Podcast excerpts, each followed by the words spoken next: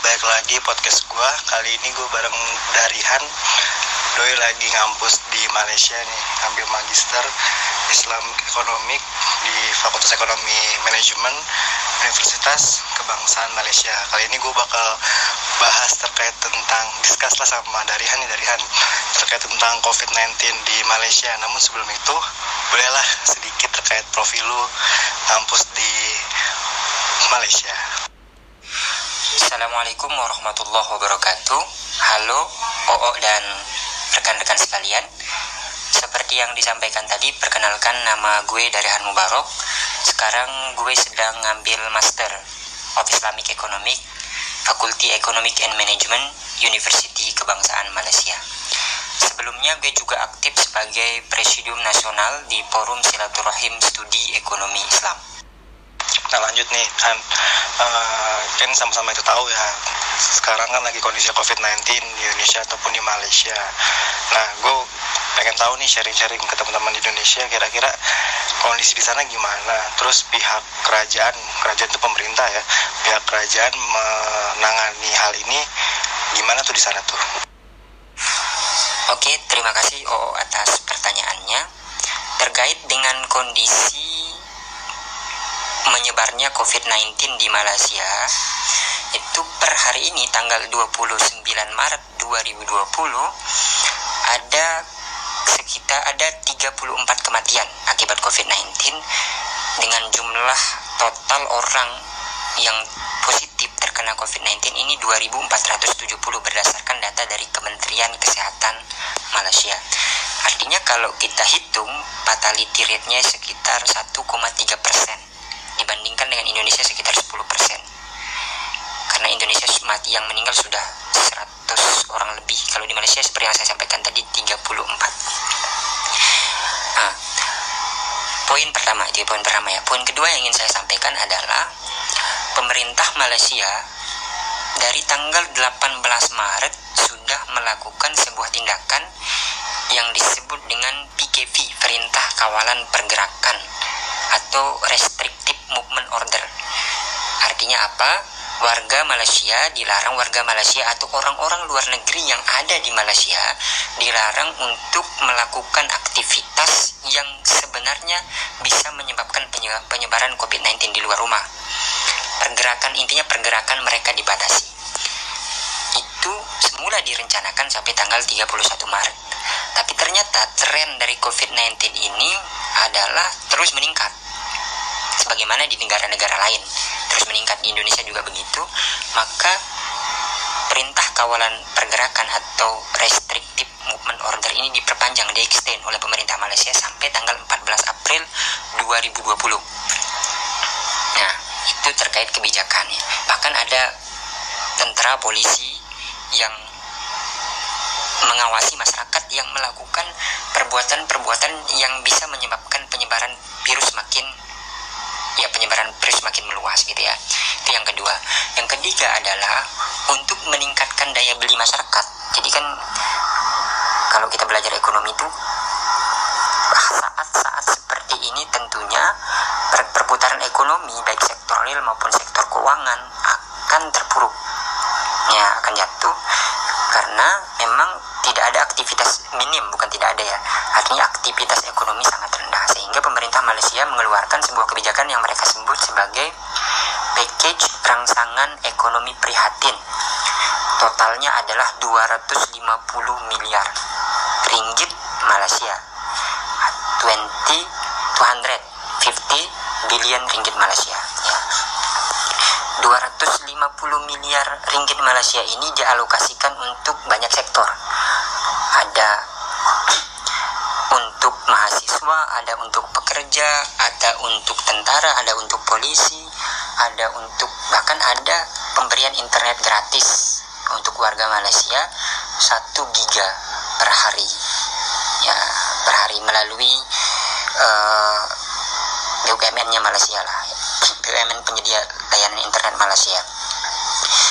Adapun untuk mahasiswa luar negeri yang ada di Malaysia itu di beberapa kampus itu mereka diberikan makanan secara percuma, secara gratis. Bahasa Malaysianya percuma ya, secara gratis uh, tiga kali sehari. contohnya di kampus saya untuk mahasiswa yang tinggal di college asrama kampus itu asrama kampus semua asrama kampus itu mereka diberikan makanan tiga kali sehari dari kampus gratis bahkan ada kampus yang memberikan uang untuk mahasiswanya.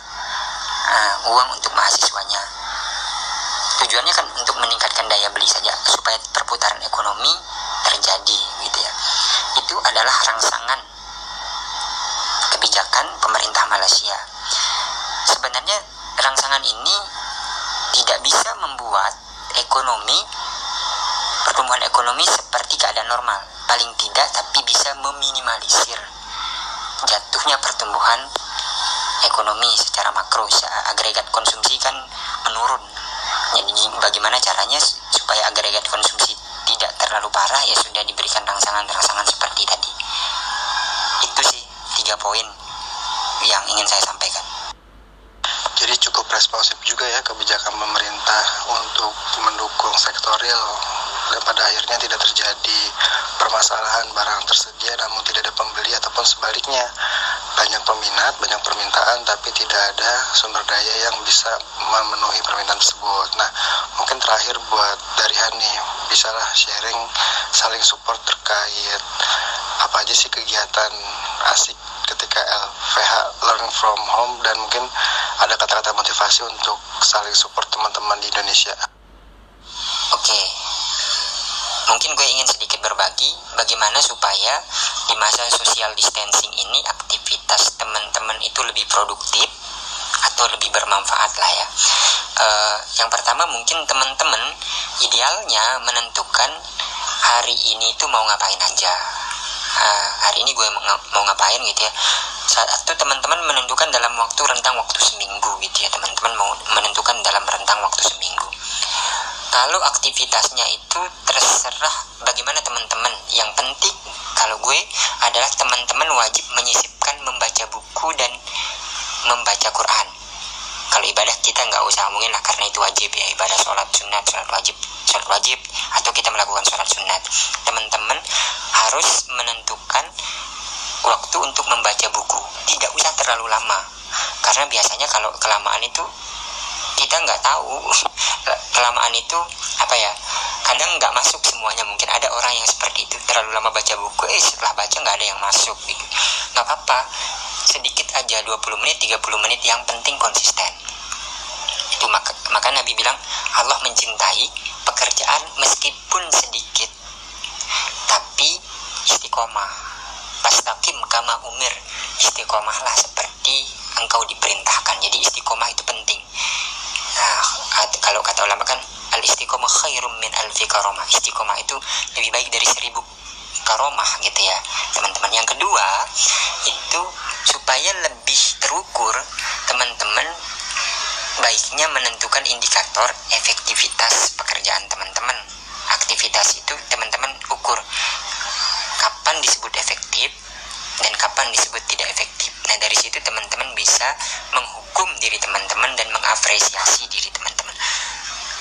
Kita semua menyadari bahwa mungkin karena waktu kita di rumah itu lebih banyak dibandingkan waktu di luar social distancing waktu normal. Artinya potensi kita rebahan itu mungkin lebih sering karena kita kan lebih sering lihat kasur nih kita kan lebih sering lihat kasur jadi potensi rebahan kita itu lebih sering uh, semua orang mungkin berpeluang untuk rebahan lebih sering frekuensi rebahannya lebih sering. Tapi meskipun teman-teman kalaupun teman-teman tidak bisa me, apa ya menyamakan dengan hari normal teman-teman bisa meminimalisir itu dengan menentukan tadi teman-teman mau ngapain aja gitu ya. Teman-teman mau ngapain aja. Yang jelas itu harus konsisten. Baca bukunya saran gue adalah teman-teman haruslah lebih banyak baca Qurannya. Tadabur ayatnya lebih sering. Kalau gue itu suka sekali menganalisis ayat Quran. Jadi dihubungkan dengan segala hal. Gue hubungin dengan A, B, dan C. Sehingga ditarik sebuah kesimpulan. Kalau gue kesukaannya gitu. Nah itu ya. Sedikit sedikit. Kalau terlalu banyak kan terlalu, kalau terlalu banyak kan nanti panjang dia mungkin terakhir ada sebuah quote ada sebuah hadis dari Nabi Shallallahu Alaihi Wasallam Nabi mengatakan ya'malu fakullum muyassarun lima khuliqalah bagus sekali menurut saya menurut saya eh, hadis ini ya. Bekerjalah sesungguhnya setiap jiwa akan dimudahkan menuju takdirnya. Ya'malu itu bisa berkaryalah bekerjalah beraktivislah beraktivitaslah. Karena setiap orang pasti dimudahkan menuju takdirnya yang salah adalah kita menuntut sesuatu padahal kita tidak melakukan gerak apa pun. Ya itu saja. Semangat belajar teman-teman. Semangat bekerja. Dengan jangan lupa niatnya selalu diperbaharui diperbaiki. Semoga Allah selalu membimbing kita. Assalamualaikum warahmatullahi wabarakatuh. Halo semuanya, Assalamualaikum. Nama gue Akbar. Gue kuliah di Amerika. Um, kuliah uh, di Santa Clara. Kebetulan um, Gue di Amerika sekarang um, Negara terbesar dengan um, Kasus Corona. Yang gue dengar sih gitu um, Yang gue rasain sekarang sih sebenarnya normal normal normal aja sih biasa aja. Um, lockdownnya nggak separah kayak di Cina. Um, kebijakan yang paling berpengaruh sama ekonomi di Amerika juga sendiri sih sebenarnya tentang gimana bisnis bisnis harus tutup kecuali bisnis essentials kayak grocery stores atau um, kayak um, bisnis bisnis um, otomotif atau you know bisnis bisnis yang support kehidupan sehari-hari tapi juga karyawannya nggak semuanya kerja. Um, banyak karyawan yang jadi pengangguran banyak yang harus dipecat banyak yang harus di um, berhentiin sementara karena um, perusahaan dan toko-toko atau employernya nggak punya uang untuk bayar gaji mereka karena um, masyarakat nggak ada yang keluar rumah. Mereka takut sendiri dan paranoid. Um, tips and tricks dari gua sendiri sebenarnya isi waktu luangnya asikin aja sih. Hmm, kayak kalau gua di rumah kebetulan gua masih kerja um, bisnis um, kantor gua kebetulan essential business jadi gua harus masuk kerja. Tapi kalau lagi di rumah um, kayak cuman main Xbox terus main laptop. Um, sehari-hari aja sih sebenarnya. Tapi jangan kayak bikin stres aja. Kalau lo bikin stres ya gimana? Mending mending di rumah kan sih. Mending, di rumah gak sih? Ya ngerjain hal-hal yang gak pernah dikerjain kayak cuci baju ngelondri atau um, beres-beres rumah masak. Uh, itu itu me time sih. Daripada keluar rumah kan ngabisin bensin dan lain-lain. Bikin macet jadi work from home itu salah satu solusi yang bagus sih menurut gue karena orang-orang jadi lebih gue lihat dari sisi pandang nyatuin keluarga yang jarang ketemu terus work from home akhirnya mereka ketemu lagi di rumah secara meskipun secara terpaksa. Jadi asikin aja sih work from home. Jangan bikin stres. Lagian bosan kan tiap hari keluar rumah. Sekarang di rumah aja terus. Uh, terus pesan dari gue sih stay safe aja jangan lupa cuci tangan. Jangan terlalu paranoid juga. Uh, precautious boleh tapi jangan terlalu paranoid karena nanti malah mindset kita jadi yang aneh-aneh terus. Lama-lama um, kitanya sendiri yang hancur karena mindset dan pola pikir kita yang jelek. Jadi stay positif aja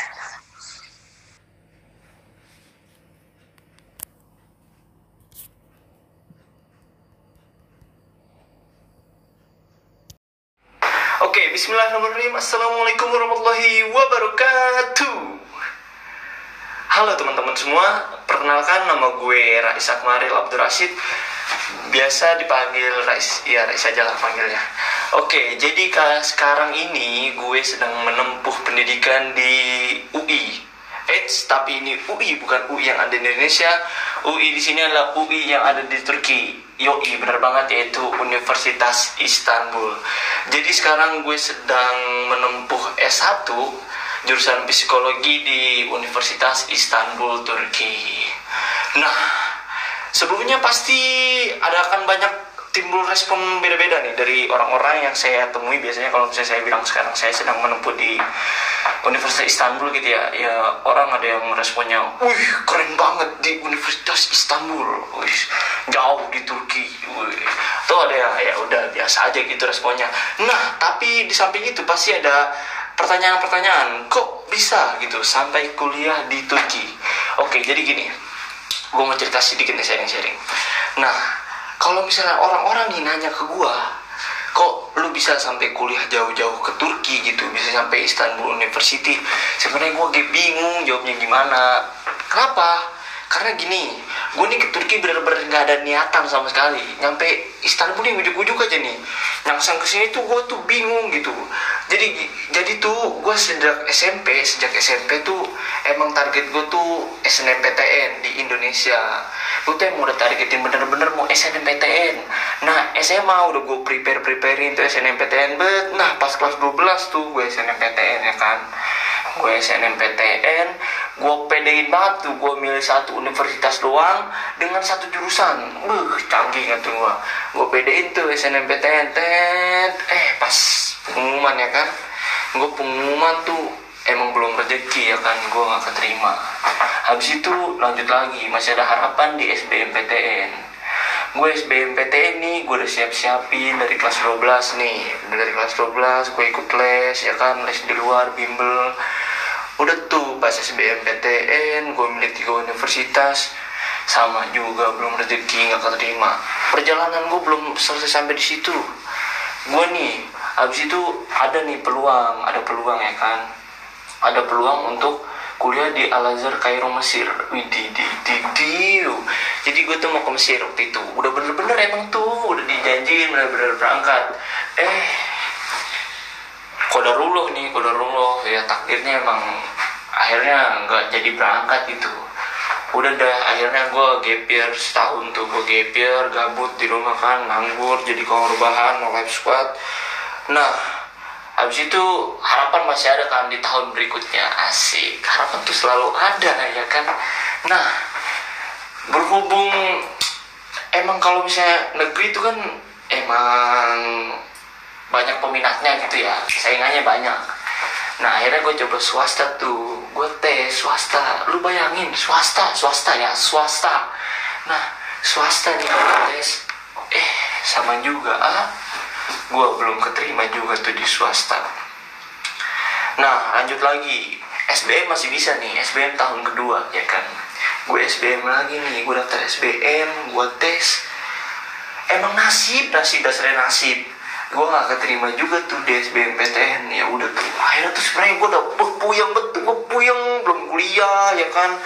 Puyeng betul itu udah stres gue akhirnya orang tua gue nyuruh gue cari universitas di luar negeri. Nah ketemu deh tuh ada Universitas Istanbul ya kan temu Universitas Istanbul Turki. Gue daftar deh tuh.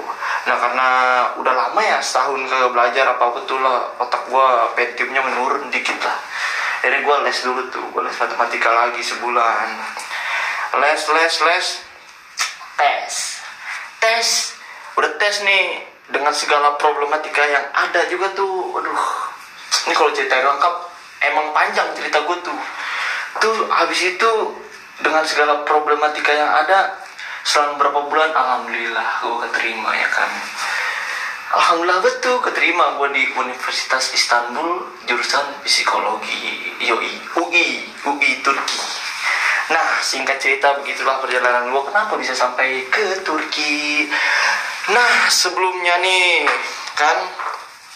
Ini sekarang lagi rame-rame bet nih covid covid itu ya covid 19 gue kira tuh yang 19 dewa 19 doang tuh dewa doang. Ternyata covid g 19 nah covid 19 nih lagi heboh hebohnya bet ini. Lagi menyerang seluruh dunia. Asik. Nah berhubung lagi heboh-heboh gini pasti kan anda-anda juga bertanya-tanya bagaimana kita yang sedang berada di Turki gitu kan. Nah jadi semenjak covid menyerang negara Turki itu pemerintahnya langsung gercep itu gercep tuh emang gercep. Jadi kalau nggak salah dua minggu lalu tuh di hari Kamis itu pemerintah langsung buat keputusan bahwa universitas libur tiga minggu ini libur tiga minggu untuk anak sekolah seminggu.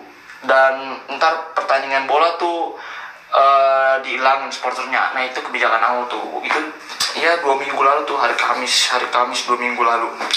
Begitu. Nah ketika pengumuman itu datang tuh wah antara seneng sama bingung tuh. Kalau kata temen gue nih ya, ya ilais lu kuliah jauh-jauh nih ke Turki lu ke Turki jauh-jauh belajarnya online. Ya ilah mending lu kuliah di Indonesia mau belajar online nya ke Turki gitu kan. Ya tapi gimana ya emang jalan hidupnya begitu namanya juga hidup kalau kata gue ya namanya juga hidup ya udah gue jadi sekarang belajar online nah habis itu tapi nih kalau misalnya dilihat-lihat nih uh, pembelajaran online. Nah, alhamdulillahnya nih, alhamdulillahnya pemerintah Turki tuh biar kata nih akhirnya mutusin akhirnya banyak nih kan yang belajar belajar online. Nah, pemerintah tuh ngasih kita kuota gratis di Turki mah. Pertama dikasih kuota 3 GB nih, 3 GB dikasih gratis nih. Eh ditambahin, ujuk-ujuk ada tambahan tuh plus 8 giga. Waduh, 11 giga gua dapet ya kan. Wah, tapi sayang tuh gak bisa dipakai. Jadi itu tuh itu kuota tadinya gue juga udah ngira-ngira seneng banget itu gue dapet kuota gratis 11 giga tuh buat bisa internetan apa kayak nge-youtube terus Instagraman ternyata tuh kuota kata gue kok kagak bisa dipakai ternyata eh ternyata. Itu jadi kuota tuh dipakai buat aplikasi-aplikasi belajar gitu loh. Tapi ya alhamdulillah kebijakan pemerintah Turki cukup baiklah untuk memberikan kuota gratis untuk para para pengungsi asik yang pengungsi terisolasi di Turki itu sendiri ya kan? Jadi di rumah aja hashtag di rumah aja. Nah gue sedikit cerita dikit nih lah sedikit cerita ya kan. Uh, akhirnya tuh kan gue tuh tinggal di Turki ini bukan di rumah. Jadi hashtagnya bukan di rumah aja hashtag gue beda di asrama aja ya kan. Gue nih udah 11 hari kali dari minggu lalu tuh dari hari minggu di minggu lalu. Sekarang hari Jumat. Ya 7 tambah eh 12 hari. Ya 12 hari hari ini tuh 12 hari belum keluar nggak tahu tuh kehidupan luar gimana. Gue tidak isolasi aja di sini. Gabut. Udah mah gini sebenarnya problemnya tuh kita yang di asrama nih. Pemerintah Turki itu sebenarnya udah harus ngepulangin semuanya nih. Jadi ini di asrama gue nih asrama segede gabar nih lima lantai. Itu isinya pengungsi doang nih para para pendatang. Isinya orang Indonesia orang Somalia sama satu lagi orang Jepang nah di asrama gue ini. Itu tuh itu tuh kita harusnya nih pulang juga sempat juga asrama udah manggil kita terus kita suruh pulang. Karena emang kondisinya lagi carut marut begini ya kan kacau dah.